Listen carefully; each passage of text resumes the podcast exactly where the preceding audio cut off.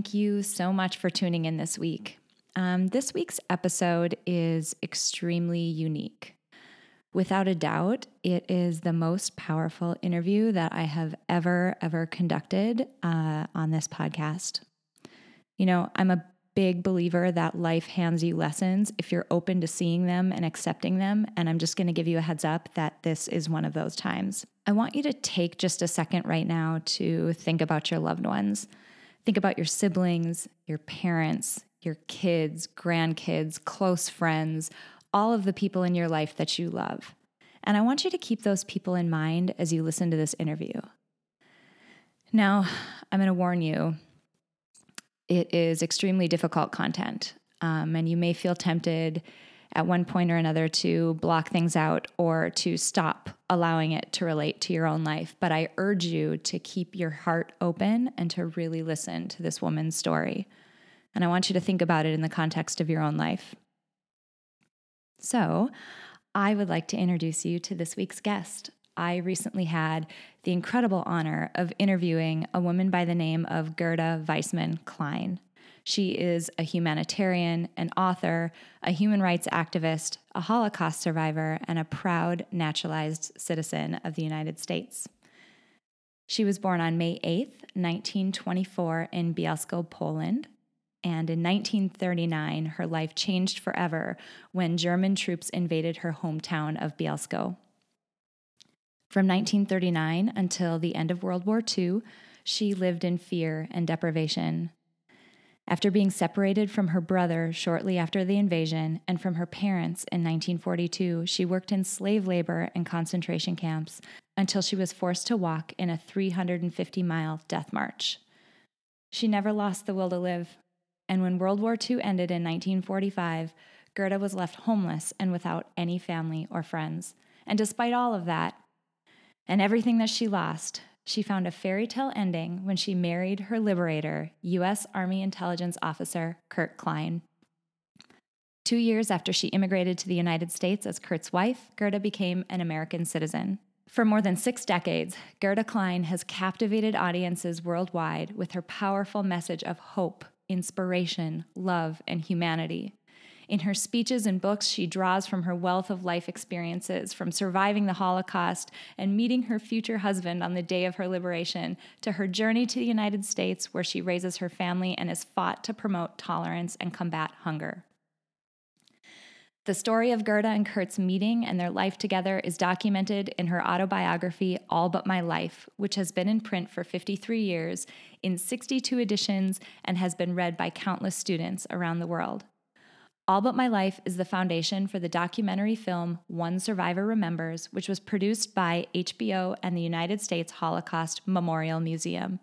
The film won the 1995 Academy Award for Documentary Short Subject and the 1994 95 Primetime Emmy for Outstanding Information Special. In 1998, a public nonprofit foundation, the Gerda and Kurt Klein Foundation, was established to honor the Klein's mission to promote tolerance and community service through the creation of two nationally recognized educational programs. On November 17, 2010, President Obama named Gerda Klein, as well as 14 other incredible individuals, as recipients of the 2010 Medal of Freedom, the nation's highest civilian honor. Well, everyone, I am so incredibly uh, honored to welcome a wonderful woman to the podcast today. Uh, today, we have the pleasure of hearing from uh, Gerda Weissmann Klein. So, welcome and thank you for being here. Thank you, April, and I certainly am looking forward to our conversation. It's very kind of you to want to hear a part of my story. So let's start at the beginning. I want to hear about you as a child. What was your early childhood like? I think it was very blessed. You know, I had marvelous parents and an older brother whom I adored. And I played with cats and dogs because we always had a lot of animals. And uh, looking back, I think my childhood was quite ideal, even though uh, when I look a little deeper, I see it perhaps had some difficulties for my being Jewish. You know, you always had to be uh, sort of um, not ruffle the the waves. You know, you you sort of have to be always a little more cautious to be to be a good girl and not to embarrass your parents or what have you. How did you spend your days as you were growing up? Well, if we're talking of early childhood, then of course it's you know going to school and uh, as I said, playing with my friends and. Uh, I love to swim and I love to ski. I was not a great athlete, but I enjoy those uh, those things. And uh, as I said, reading, reading has always been the greatest joy of my life. Moving ahead a little bit, um, we're actually jumping ahead, I think, uh, quite a bit, but I'm curious about initially as uh, as the war broke out what were some of the first things that you started to notice you know you you talked about your day-to-day life as a younger child and it all sounds very normal and it all sounds familiar uh, to all of us, likely as we think back to our own childhoods. Um, I'm curious about how life changed when the war broke out. Well, it, it changed drastically on the very day. You know, there was there was not a, a change that you need to observe. You know, it became immediately dangerous uh, for the fact that we were Jewish, which of course I never considered that that it was dangerous. You know, the men had to be, as a matter of fact, they uh, right away gathered a number of Jewish men and put them in the temple. The temple was burned. So you can imagine the shock of that, you know. It's a few days before you were fairly free and everything, and now suddenly this becomes a matter of life and death. I can't even imagine how shocking that must have been. Um, you know, when I think about aspects of myself that I take for granted, um, it's it's just such an arbitrary one that all of a sudden this this you know piece of you is is a dangerous thing to to have and who you are is dangerous to be. That would be really really jarring. You know absolutely it came like overnight it became immediate. So you talked a bit about how life really drastically changed as the war broke out. Um, you know, one of the things that I um, saw in a previous interview that you had done, you'd talked a bit about what it was like the day that the Germans invaded your town. Can you tell us a little bit about that? Well, it's uh, extremely painful, I will tell you this, because, you know, suddenly from day to day something became entirely different, you know. We, uh, we were concerned particularly men, were taken away almost immediately, you know, and uh, within a few weeks, my brother was taken away, and uh, he was my older brother. I looked up to, you know, and um, he fought my battles for me, you know, when I was a little girl. One of the first things that happened, you know, they came and requested the Polish flag. The Polish flag is, you know, red and white and they made a Nazi flag of that immediately. And that mm. first we saw they were flying from neighbors' home, and pretty soon they came for, for our flag. They told my brother he has to go and put it on top of the roof, which of course was an extremely painful thing. And uh, we were no longer really safe in our home. We had to wear the Jewish star immediately, you know and it was you know you had to wear it on your chest and your back, and if you wore a hat or something, then on top of it. So you became immediately recognized of who you were, and uh, you know anybody could stop you or slap you if they so wished. Then we were given the ration stamps for food, and of course ours were, you know, just a minimal part of what uh, other people got. You mentioned a little bit about when your brother was taken. Um, can you tell us a little bit about the night that that happened or the day that that happened? I'll be honest with you. Uh, the loss of my brother has been the most difficult one. And so that happened in 1939. I find it very difficult to talk about it because I'm thinking of my brother every single day of my life. Yeah. So, needless to say, when my brother left, and of course, I had no idea that I'll never see him again. You know, he he told me to take care of our parents. And, you know, he was 18, almost 19, and I was 15. And uh, I always thought that this was my most sacred vow and tried to do it for my brother and dreamt that one day he will tell me that I did a good job. Unfortunately, that day never came. I never saw my beloved brother again.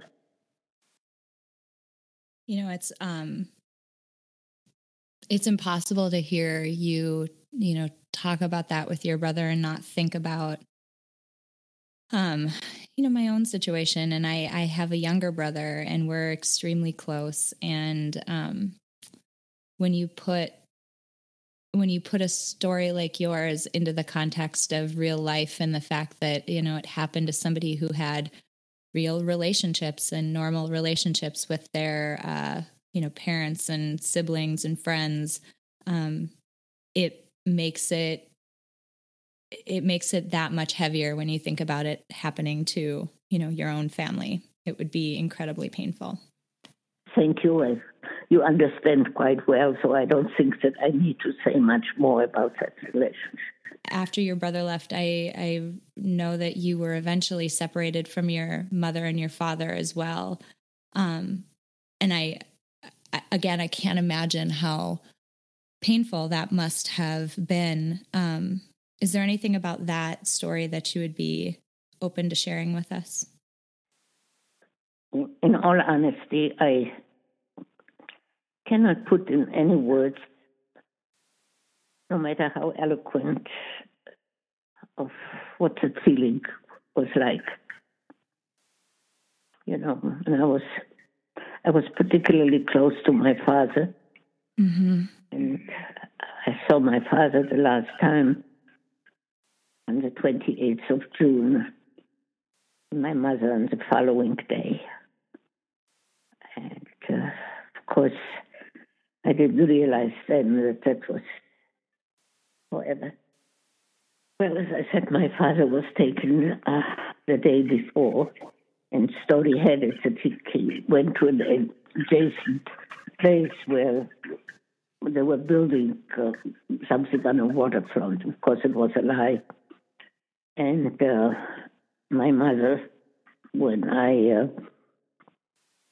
we were holding hands when the master of life and death stuck us between our hands, and my mother went one way, and I another. I did not realize uh, that they took my mother to a train. It was all at the train station and we young girls were put on the, on the truck. And then I heard my mother's voice calling, Where to? And I answered, I don't know. My mother said, Be strong. Those were the last words that the echo of which I heard from my mother. Later found out because the Germans uh, were very good in um, writing about everything that my mother was sent to Auschwitz and that she was killed the following day.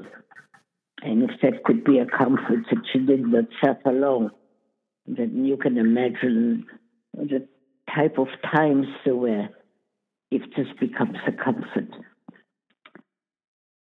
I'm so sorry that you had to lose your parents in that way. And I looking back now, my my mother was only forty three years old.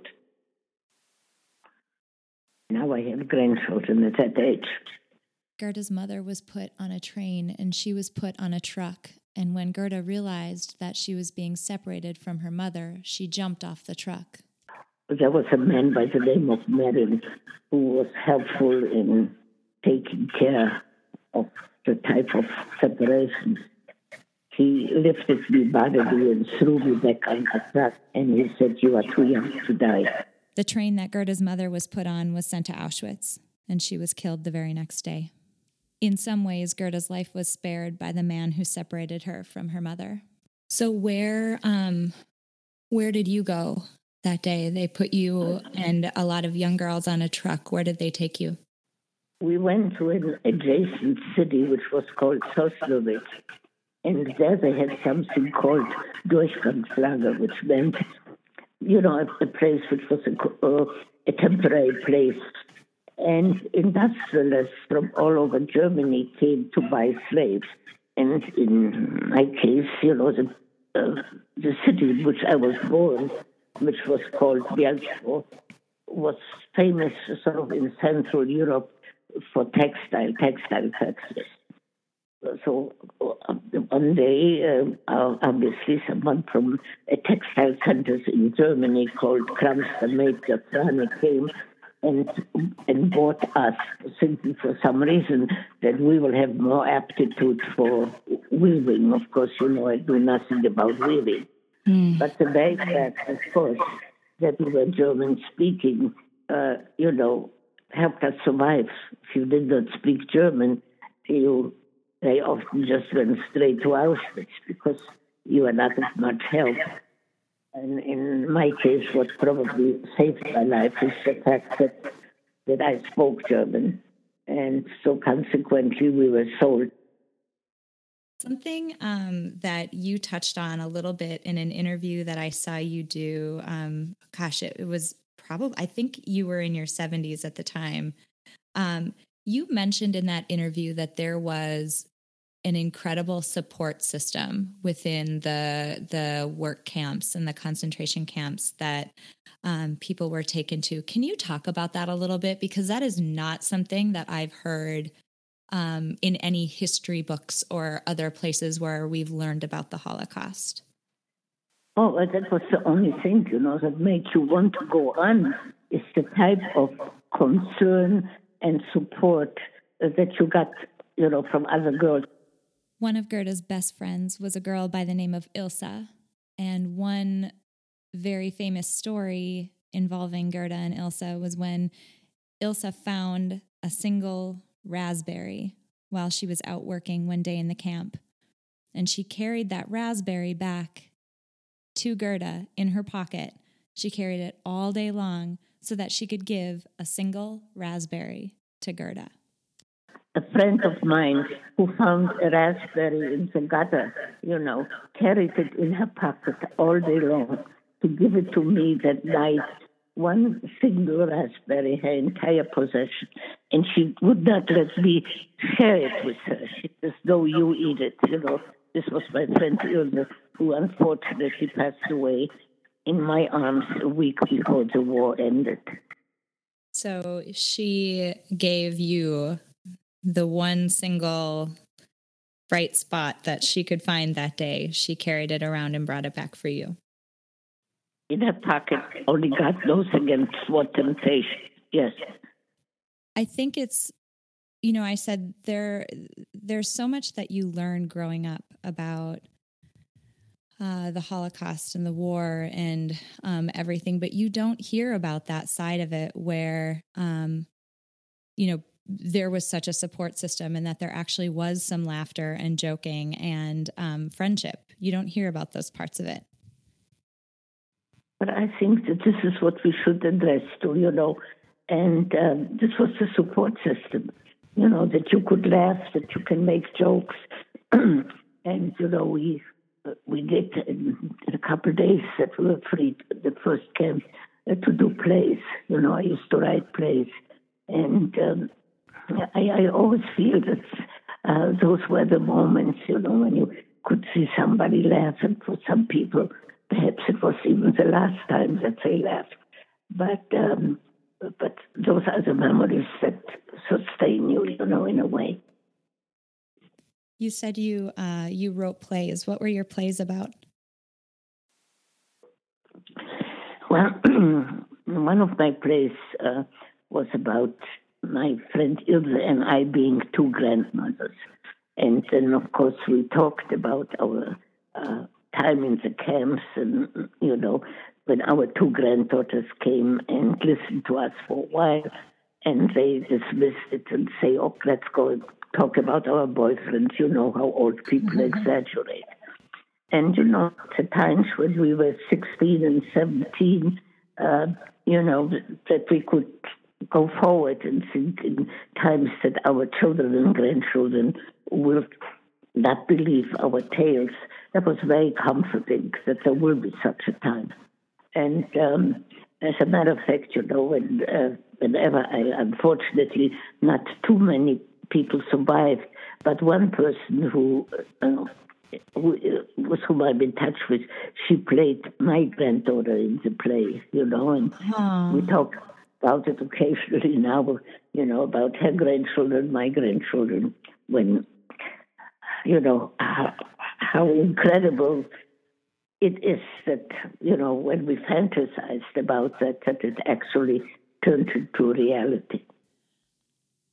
I just thought that was incredible when Gerda talked about the plays that they created because she had this incredible fantasy at that time in the middle of a horrible, horrible situation. Her fantasy was to have children and have grandchildren. And, you know, that's one of those very normal things that so many of us take for granted. And for her, it was just the ultimate fantasy. And flash forward to where she is now, it is just one of the sweetest things to get to know that, you know, she was able to. She was able to experience that you know, she made it through that awful situation and she was able to have children of her own and grandchildren. Um, you were in a number of, uh, I know from the research that I did that you were in a number of different camps. And I think um, the last one you were in was called like Grunberg or something like that. Yes, that's right. That was the worst. Yeah. You know, it always got worse each time because, you know, at first, because we worked on looms and what have you, and things were used to be a little easier, you know, if there was raw material and, you know, we had to work, they gave us a little more food because they needed our strength, you know, in our work. And as things became worse in Germany, of course, they became much worse for us as well. So, you know, it was sort of a catch of something, you know. Mm-hmm. One of the most atrocious things about the Holocaust was uh, these events, basically called death marches, where essentially toward the end of the war, the Nazi Party needed to get rid of the rest of the Jewish people, and they bullets were too expensive. They couldn't afford to kill them that way, and so they needed to find a way that was more economical to get rid of a lot of people. And that's where the death marches came from. And Gerda talks to us a little bit about her experience and what that was like. Well, to begin with, you know, uh, the march started for the simple reason that they felt, uh, you know, because the British and Americans were advancing, and you know, it looked as as Germany might lose. Uh, consequently, they had to get rid of us, and believe it or not, but bullets were too precious for the front, so they had to find ways in which to kill us. And mm this is when they put us on the death march. In uh, we to, to Grünberg came a, a, couple groups of other girls, uh, and finally we were 4,000 girls that started that march. and that was on the 29th of January 1945 at its conclusion on May 7th, there were fewer than 120 left from the 4,000. Uh, I think one thing, of course, you needed to have an enormous amount of luck, which obviously I had, and a very good physical constitution. And you know, my father made me wear, when I left home, which was in June, my father asked me to wear my skiing boots. And I said, Papa, skiing shoots in June, you know, I would have walked away in a pair of sandals. And my father said, I want you to wear them. And of course, you did not argue with your father. Mm-hmm. And uh, I do believe that uh, having those boots in the winter and on that long walk, uh, they, they were really instrumental in saving my life. Your dad was a smart guy. Yeah, it sure was. As I mentioned, you know, from when we started in, in Grünberg and we finished the march in Volary, Slovakia. It was less than 120 girls surviving from that enormous number. And your friend Ilsa, the wonderful friend who brought you her raspberry, was one of the women who passed in that march. Ilsa died exactly a week before liberation, yes. It's actually kind of crazy to be sitting here today talking to somebody who survived it. Believe me, it's crazier for me. I'm sitting in my son's home in Washington, looking out the window and looking at some of the shelves with my grandchildren's pictures, wedding pictures and baby pictures and what have you, and to talk to you about those days, you know. It's a pretty big contrast. Yes, indeed it is. You know, all the thing I can say. If you say, well, the next, the next time we will meet is on the moon, it's not likely, but people have gone to the moon. But to have been where I have been and to be sitting now here, my son next to me, to talking about things, believe me, it's much more fantastic and unbelievable. Gerda's death march ended at an old bicycle factory where she and the other 120 girls who had made it that far were locked up. And this was the scene of yet another time that Gerda escaped death. Well, on that day, uh, we were we had American planes overhead. We knew that uh, liberation is probably close, but we never thought that we would know the joy of freedom because they uh, took us and locked us into an empty factory, a bicycle factory, mm. and attached a time bomb. I know it sounds like a cheap thriller, but this is what happened. Wow. And you know, I remember we were we were praying that something, some miracle should happen. And indeed, it did happen. It started to rain. A torrential rain started, which uh, we later learned, you know, started in mud, which prevented the bomb from going off. And after all of those years, and after all of the adversity that she had experienced, Gerda's Liberation Day had arrived. In any event, it was, you know, um, when the bomb didn't get off and the, uh, the Czech people started opening the doors.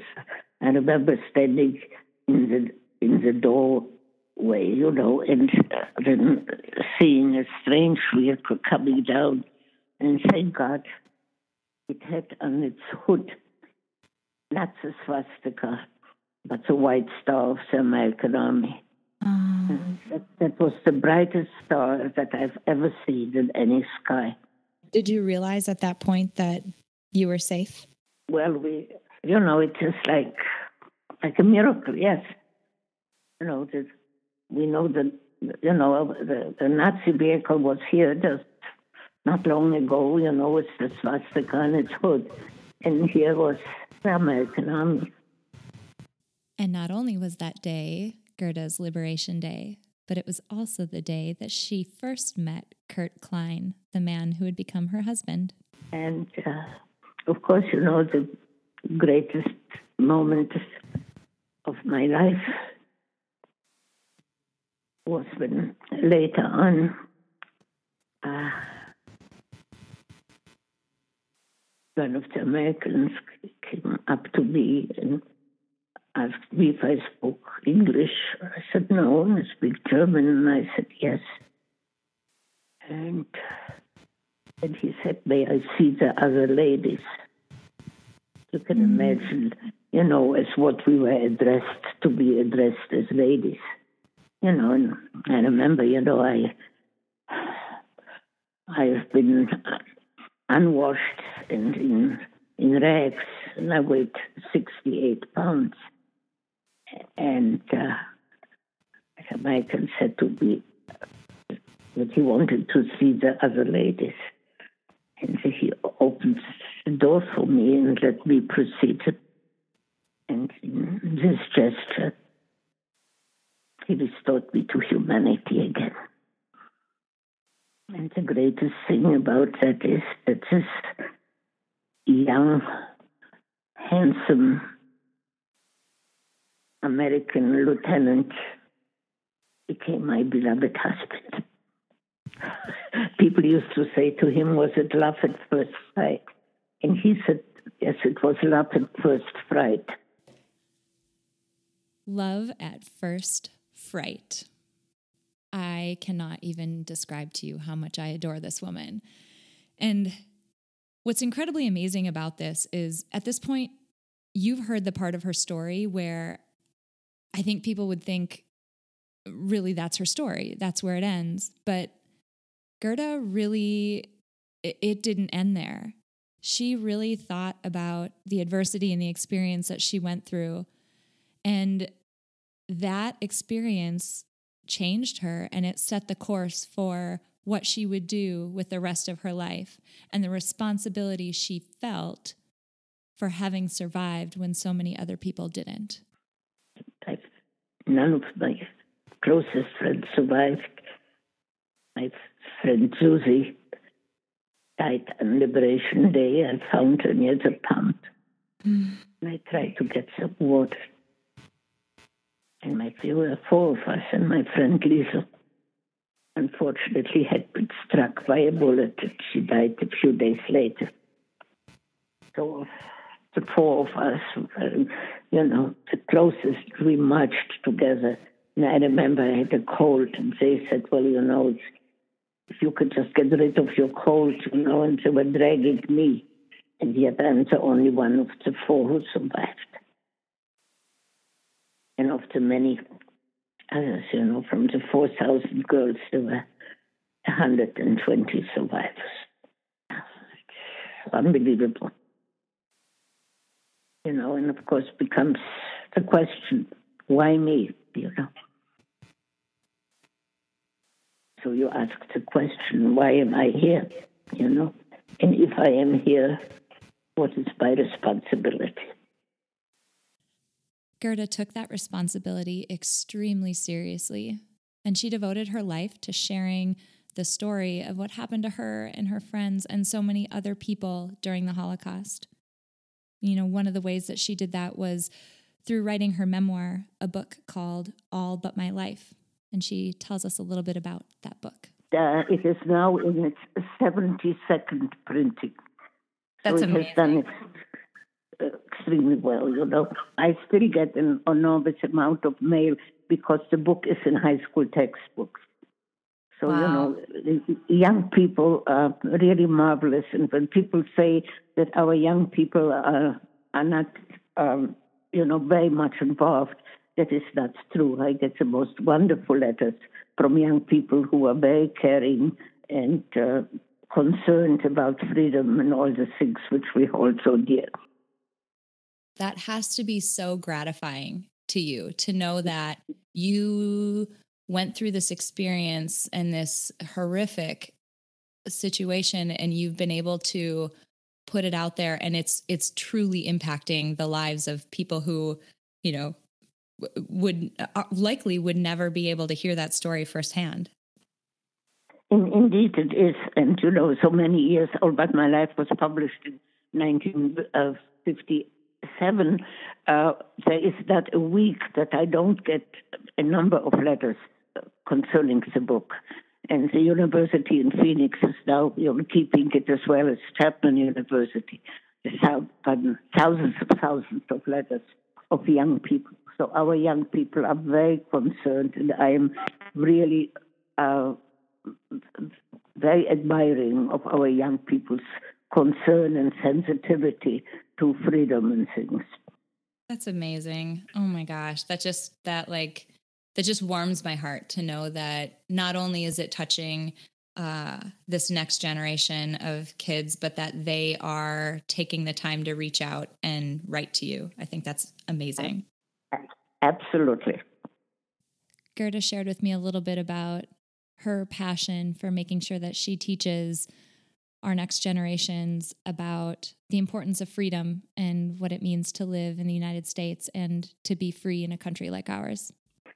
uh, but to know the preciousness of of freedom and you know what it is like to live in the United States, you know, to to be an American citizen, you know. Mm-hmm. I believe I might have mentioned it before that I've always said, you know, the most precious thing in my life um, is my family, and the second is my American passport. And uh, that we need to work diligently and teach our children, grandchildren, and in my case, great grandchildren, the greatness of this country and to see that we can preserve this freedom and teach it to others. But this is really what it's all about. That has been, in the way, the mission of my life to tell of, of the horrors to appreciate freedom, to teach it to be to be grateful that we are where we are because we are very blessed. If you're not already completely impressed and enamored with this woman, I have to share one story from our conversation that day. Uh, you know, the content that I went over with Gerda and the the questions I was asking her and her answers, they're extremely heavy. And, you know, there's there's a lot of emotion and, and it was really difficult, you know, to ask about and to have her talk about. Uh, and all the while, it, you know, at one point in the middle of our conversation, she told this hilarious story of how, you know, when she was sold as essentially as a slave at the beginning of the Holocaust, with the exchange rate and everything like that, essentially she was bought for about $3.50. Um, that was what her life was worth at the time. And going forward, you know, her her story and her life was made into a documentary and uh, that documentary won an Emmy and it won an Oscar. And if you actually search, and I'll put a link on her show notes page to her Oscar acceptance speech, you can see Gerda accept her Oscar, except she wasn't actually supposed to speak that day. It was supposed to be the producer of this documentary who was going to give the Oscar acceptance speech, and that was going to be the end of it. Well, of course, the producer gives the speech, the music swells, and you know everybody's supposed to walk off the stage. But Gerda felt like, well, man, would be really rude of me to not say thank you when somebody has given me this amazing award. So she hops up on the podium and she gives the most amazing acceptance speech with the most moving words that I think I've ever heard in an Oscar acceptance speech. And they let her give her speech because, of course, she's this incredible woman who's been through this incredible thing.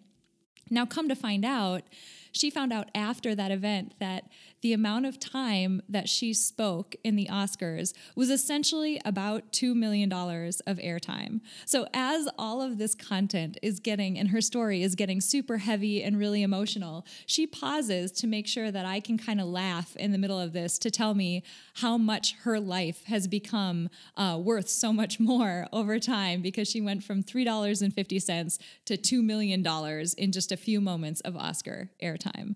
This woman is just incredible. I cannot cannot say enough amazing things about her. Uh, before we wrapped up in her interview, I asked her the same last question that I ask every single woman on the podcast, and I asked her to give us her favorite song. So here is Gerda Weissmann Klein's very favorite song. God bless America. Oh, I love that. What I love that so much. No, thank you for doing it. And I it's wonderful of you, as a young person, to care so deeply to, to do that. So God bless you and God bless America. I titled Gerda's episode, The Responsibility of Living.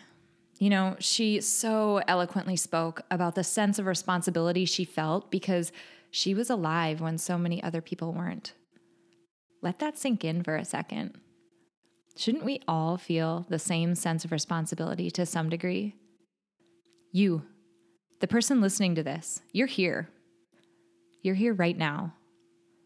And with that comes the responsibility for making the most out of the time that you have left, expressing love, giving back, being just a little bit fearless. Now, I'll be completely honest, I walked away from this interview a totally different person than I was before I had the pleasure of meeting Gerda. Basic things like love and family and freedom are really all that matter. If you were as moved by Gerda's story as I was, I highly suggest you read her book, All But My Life. It is so incredibly powerful, and it does justice to the story that I couldn't get into in the short amount of time that we had on this podcast. I also urge you to check out her website, www.citizenshipcounts.org.